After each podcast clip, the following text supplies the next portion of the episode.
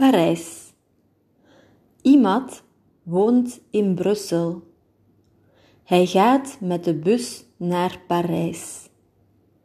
Hij wil daar familie bezoeken.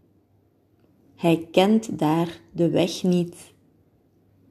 Daarom koopt hij een kaart van Parijs. Hij zoekt het adres op. Oh, dat is niet zo ver, denkt hij.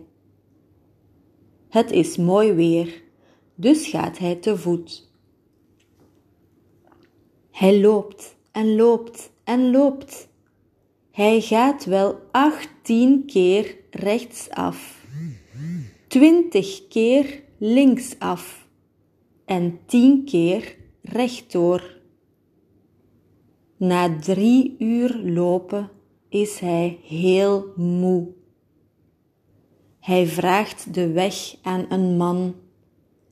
De man zegt: Meneer, u bent verkeerd gelopen. U moet de andere kant op.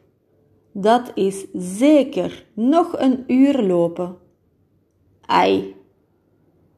Iemand neemt een taxi. Na tien minuten komt hij aan.